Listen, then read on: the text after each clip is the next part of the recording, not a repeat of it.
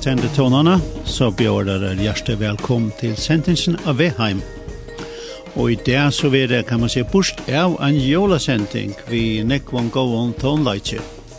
Jeg vantler med å spille sinte og danskon jolatonleik, solmar, og sinte av svenskon og solvande eisen nekka av førskon tonleitje, som er fremleikt og i fargen og, og, og først og utroligt en orske som har lagt ut her. Så, uh, og så får vi høre en liten søva fra min egna barndom, som er uh, Josh Finnegar også igjen, han er av domskunnig Fiji og mer til, uh, men jeg råkner vi at uh, du får hava glede til eisen, så takk for at du tog lust av vi det her, og sendte ikke när vi hem. Och og som sagt så vil nekvann gå en tone like.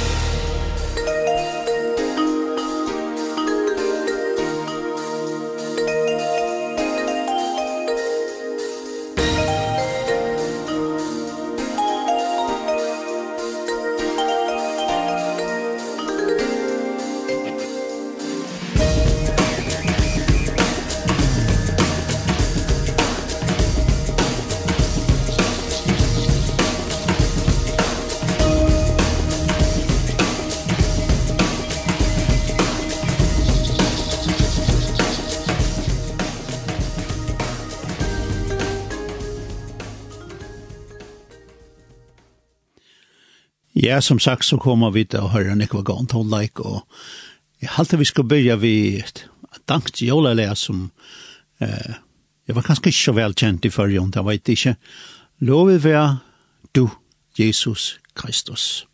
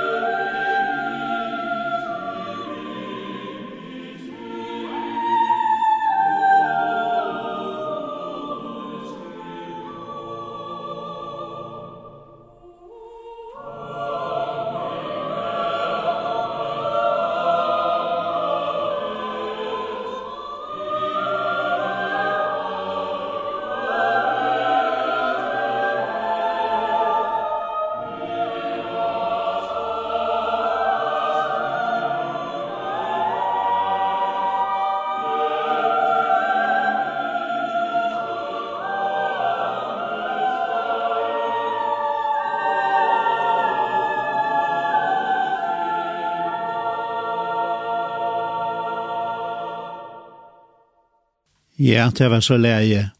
Lovet være Herren Jesus Kristus, og det var opptidje, og jeg kjørste i Danmark og Høyman og Jorden og Kanskeisen, og, og de som synger er musiker fik, fikkar.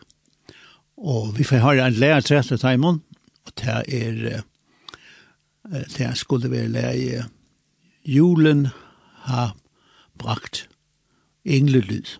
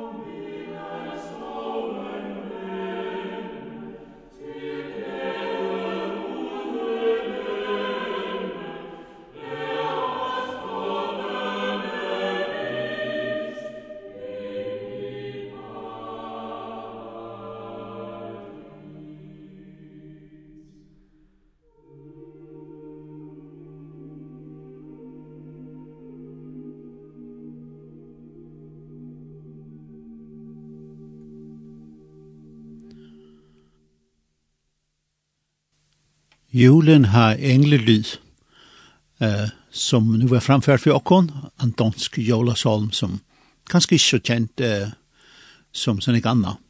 Men i hessen døven så kvært så nek anna er eh, og kan man si, hoa heimen, bæg i eitegna, så kanskje, kanskje være sinte ringt at altså man lønser det til jolun. Men i vågner til at vi øtjer på en eller annen måte den hatøy, og jeg hatøy halta, at uh, Jesus Kristus var født i Bethlehem. Og ikke minst bøttene, så ikke fram til det. Og her har vi den en svensk julshalm som, som heter I vente på julen.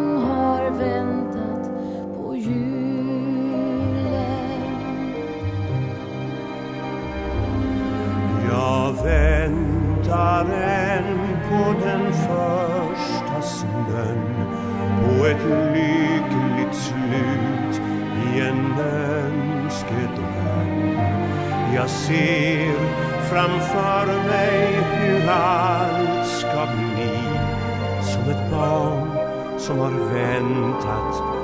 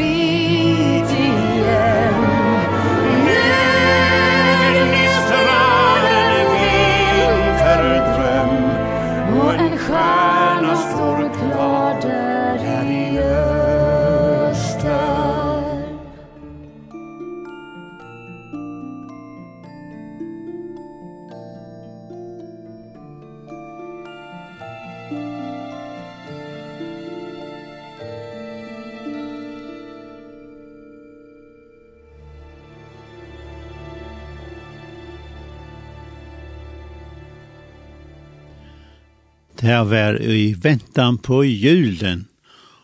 Og de som sunker var Jill Jonsson og Tommy Kjørberg. Og det var, kan man säga, en liten julastämning. kommer Kjamer, de sunker om kärven som, kärveflikarna som dette spekler nye. Og så er det sånn julen til, man nesten vågner, så nekk, kæves kan komme at ånden slipper køyre nægge stedene, men bare sitte inne og hona seg og kanskje for en tur vi bøttene, appa bøttene og spela i kævanen. Så uh, la oss kunne høre et le et rett om kæve, og det er et snøen kæve, og det er eisen av svenskån, og det er Sonja Aldén som synger som syns jo for å kunne blanda malet her, det er ikke. Uh, og at han til, så fer jeg spela en søve som eisen handler om kave fra min ekna barndomsjål og i svørtje. Men først skulle vi luste etter snøen.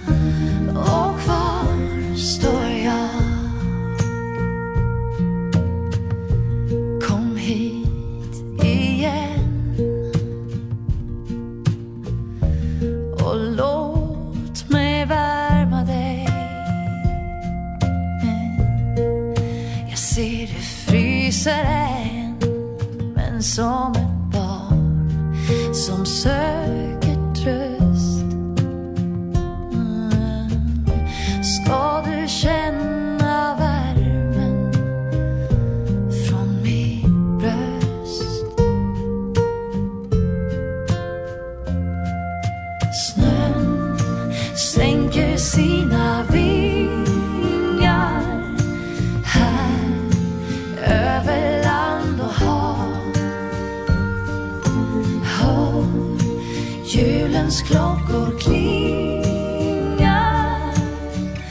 Som en ängels vingeslag Och se hur himlar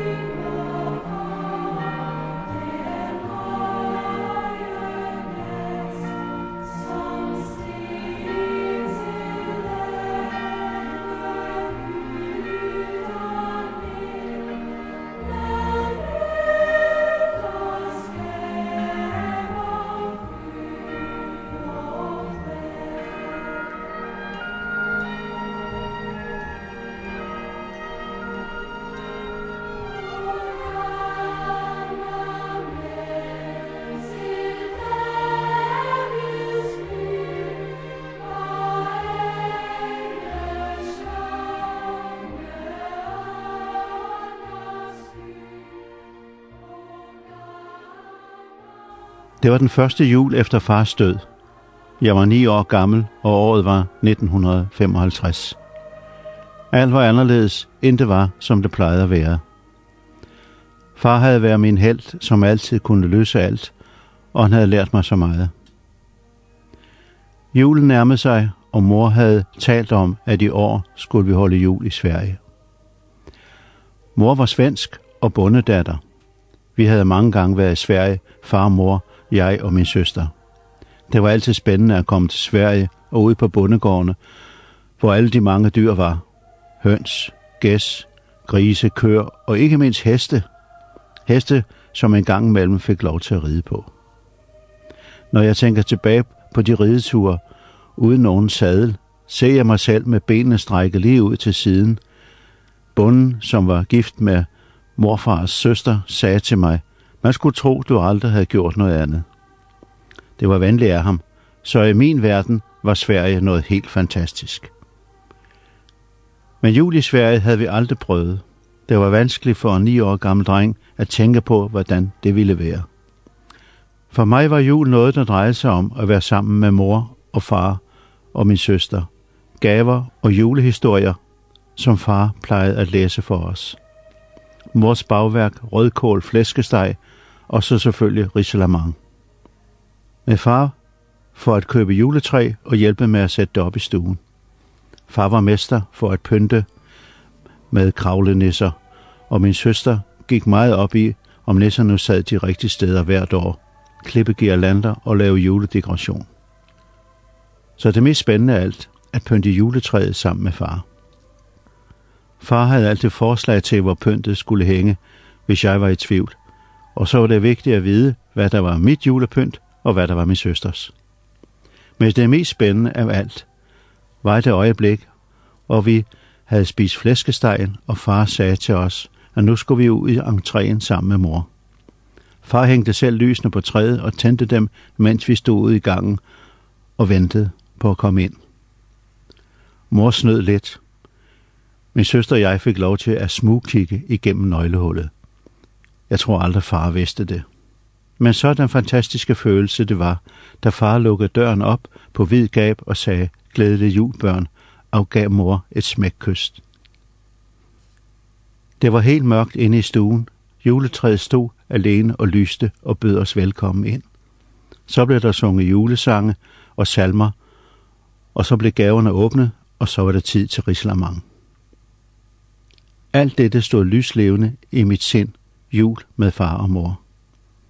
Men jul i Sverige, hvordan må det ville være? Skolen fik julefri, og mor sagde, at nu skal vi finde alt frem, som vi skulle have med til Sverige. Mor, er det meget koldt i Sverige? Ja, det kan det godt være. Så skulle vi finde varmt tøjet frem, det var helt sikkert. Vi hængte lidt julepynt op, og min søster sørgede for, at det blev sat på de rigtige steder. Det var mørkt, da vi tog bussen ind til hovedbanegården og fandt den perron, hvor toget afgik fra. Da toget kørte ind på stationen i Helsingør, snede det. Toget blev rangeret ombord på færgen, og det knitrede vinet fra hjulene, da vi bakkede ombord, og endelig stoppede med et ryg. Kom, sagde mor, vi går op på dækket. Færgen satte sig i bevægelse i retning mod Sverige. Det var begyndt at blive lyst lyst nok til at vi kunne se isflærene blive skubbet til siden af skibsstævnen. Et betagende syn.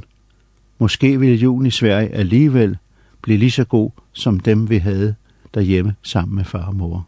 Otto var på stationen for at tage imod os. Vi kørte taxa i det snedækkede landskab ud til gården, og jeg glædede mig til at se alle dyrene. Da bilen kom ind på gårdspladsen, spurgte jeg Otto, må jeg se hestene Selvfølgelig må du det, siger han, men først skal vi have noget at spise. Mors faster stod i døren og tog imod os. Kom ind, bordet står klart. Vi var rigtig sultne og spist, som om vi aldrig havde set mad før. Bundens kluklatter og hans opfordring til at spise mere viste noget om, hvor velkommen vi var. Dagen efter gik vi med bunden ud i skoven for at finde passende juletræ. Der var træer, som var højere end juletræet på Rødhuspladsen i København. Alle var klædt med sne på grenene. Bunden var hurtig med øksen, og snart fik min søster og jeg opgaven med at trække træet ud af skoven, hvor der lå dyb sne. Træet blev pyntet, og dagen efter var juleaften, og mors faster havde serveret julegås, og det smagte godt.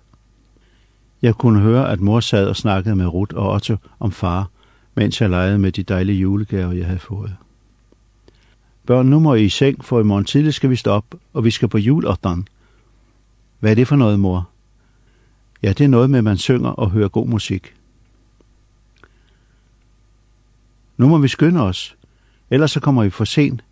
Det var mor, som allerede var oppe og prøvede at få liv i mig og min søster. Det var hundekoldt inde i kammeret, hvor vi sov. Der var ingen kakkelovn, Ja, der var slet ikke nogen varme, så det drejede sig om at komme ud af sengen og i tøjet hurtigst muligt. Vinene fra taxans hjul, der spændede rundt ude på gårdspladsen, hørtes tydeligt ind i køkkenet, hvor vi sad og fik en bid brød. Nej, det går ikke da, kunne jeg høre bunden råbe.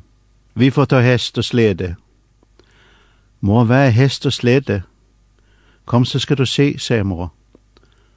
Udenfor var det bidende koldt, det bed i næsen, og bunden Otto havde åbnet den store ladeport, og derinde stod kanen. Otto kom med hesten, han spændte hesten for kanen, og så gik vi alle sammen op i kanen og fik tæpper rundt om benen. Otto tændte to fakler ind på hver side, og så gik der sted. Når vi passerede gårdene på vej til kirken, kunne vi se, at der var tændt levende lys i alle vinduerne. Kirken lå nede i en dal, og det kom ud på bakkekammen, kunne vi se alle de andre kaner med fakler, nærme sig kirken. Et syn, som brændte sig fast på nethinden for en lille dreng. Inde i kirken var det levende lys og pyntet med græn. Det lugtede herligt.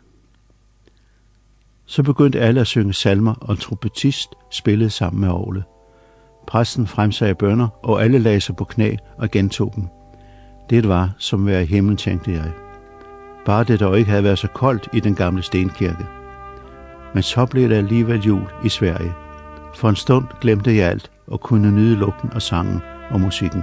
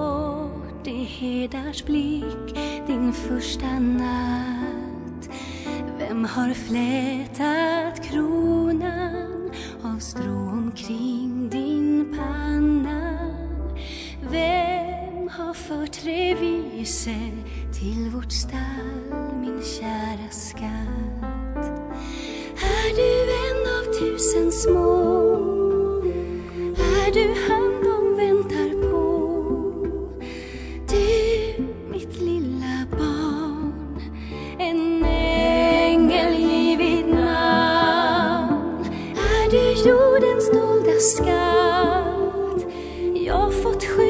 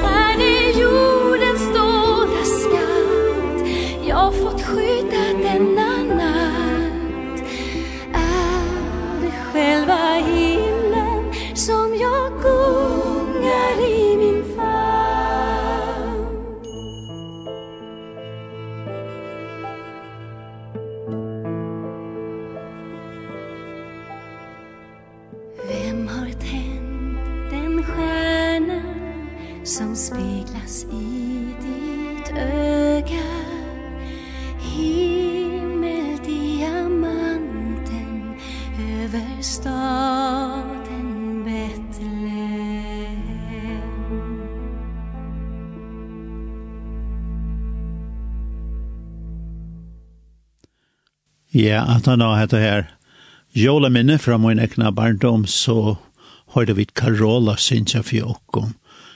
Himlen i min famn. Og det var ganske sinte det samme som jeg som opplevde da jeg nu som baden opplevde henne denne jola gudstjennesten. Vi holdt blåster uh, og felagssang og Det var helt annet standard. Han som spann trompet var faktisk den som mitt eisen hørte her. Det var Arne Lampert, som var svensk trompetist som eisen spalte nekk i Danmark og. Hadde alltid alt trusen og trusen. Så, det var det. Skulle vi hava en kapping i følge om, om besta og mest spennende, eller mest spalta jola eller så kanskje det enda i Lotte og Alex Berensen. Og jeg halte vi skulle høre Alf Bensen sier, jeg gleder meg så kvart jola kvöld.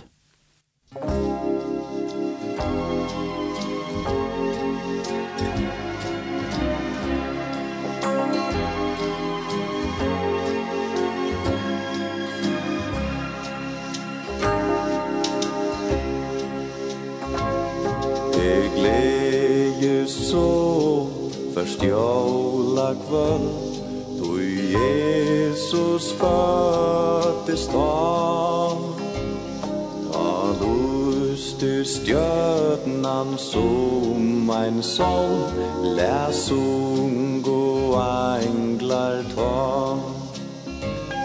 Og lutla baden vi Bethlehem Der vær ein kongur bo Som kongur av høv og himna borg.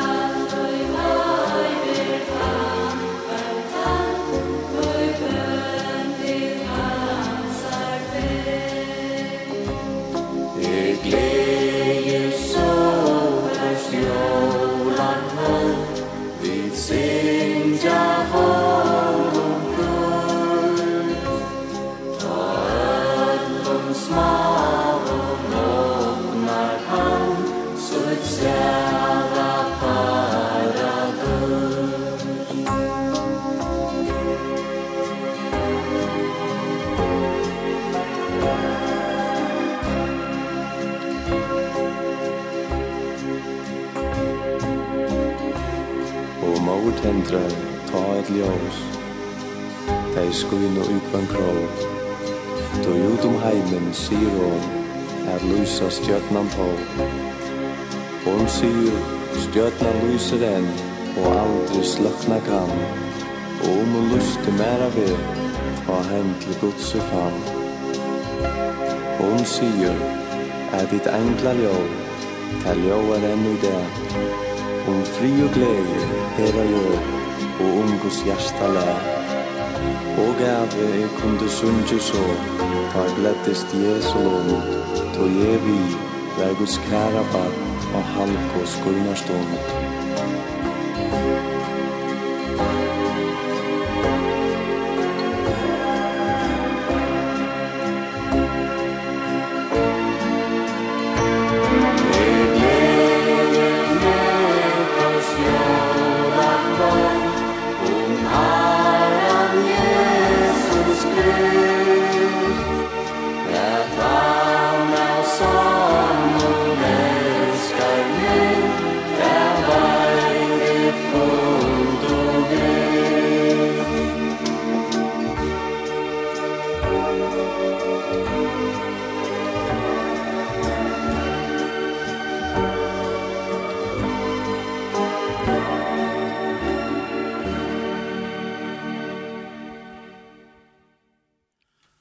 Alex Berensen sang for åkken «Eg les og kvørst jolakvald».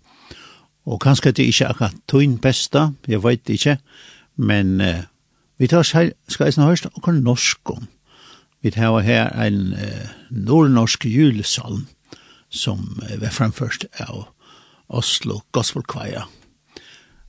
Og hun det Mari Millet som synger fire. Velsignade dag over fyr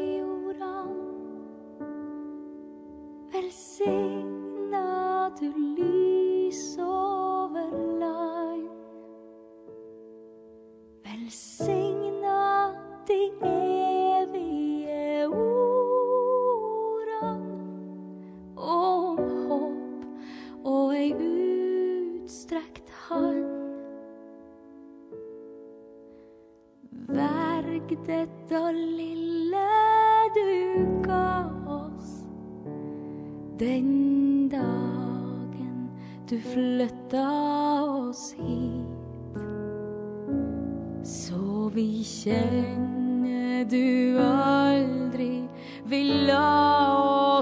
kom.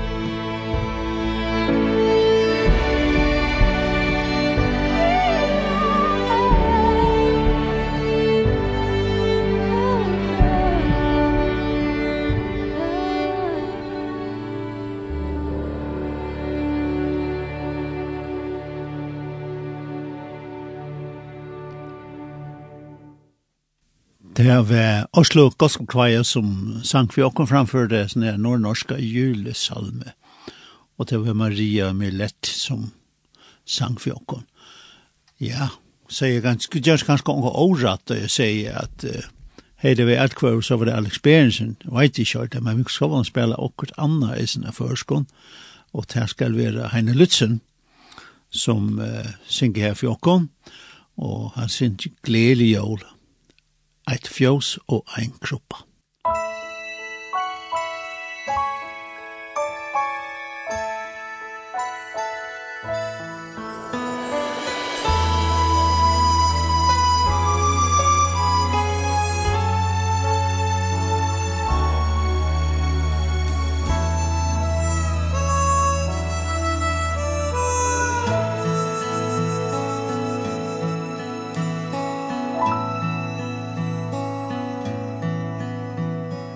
Det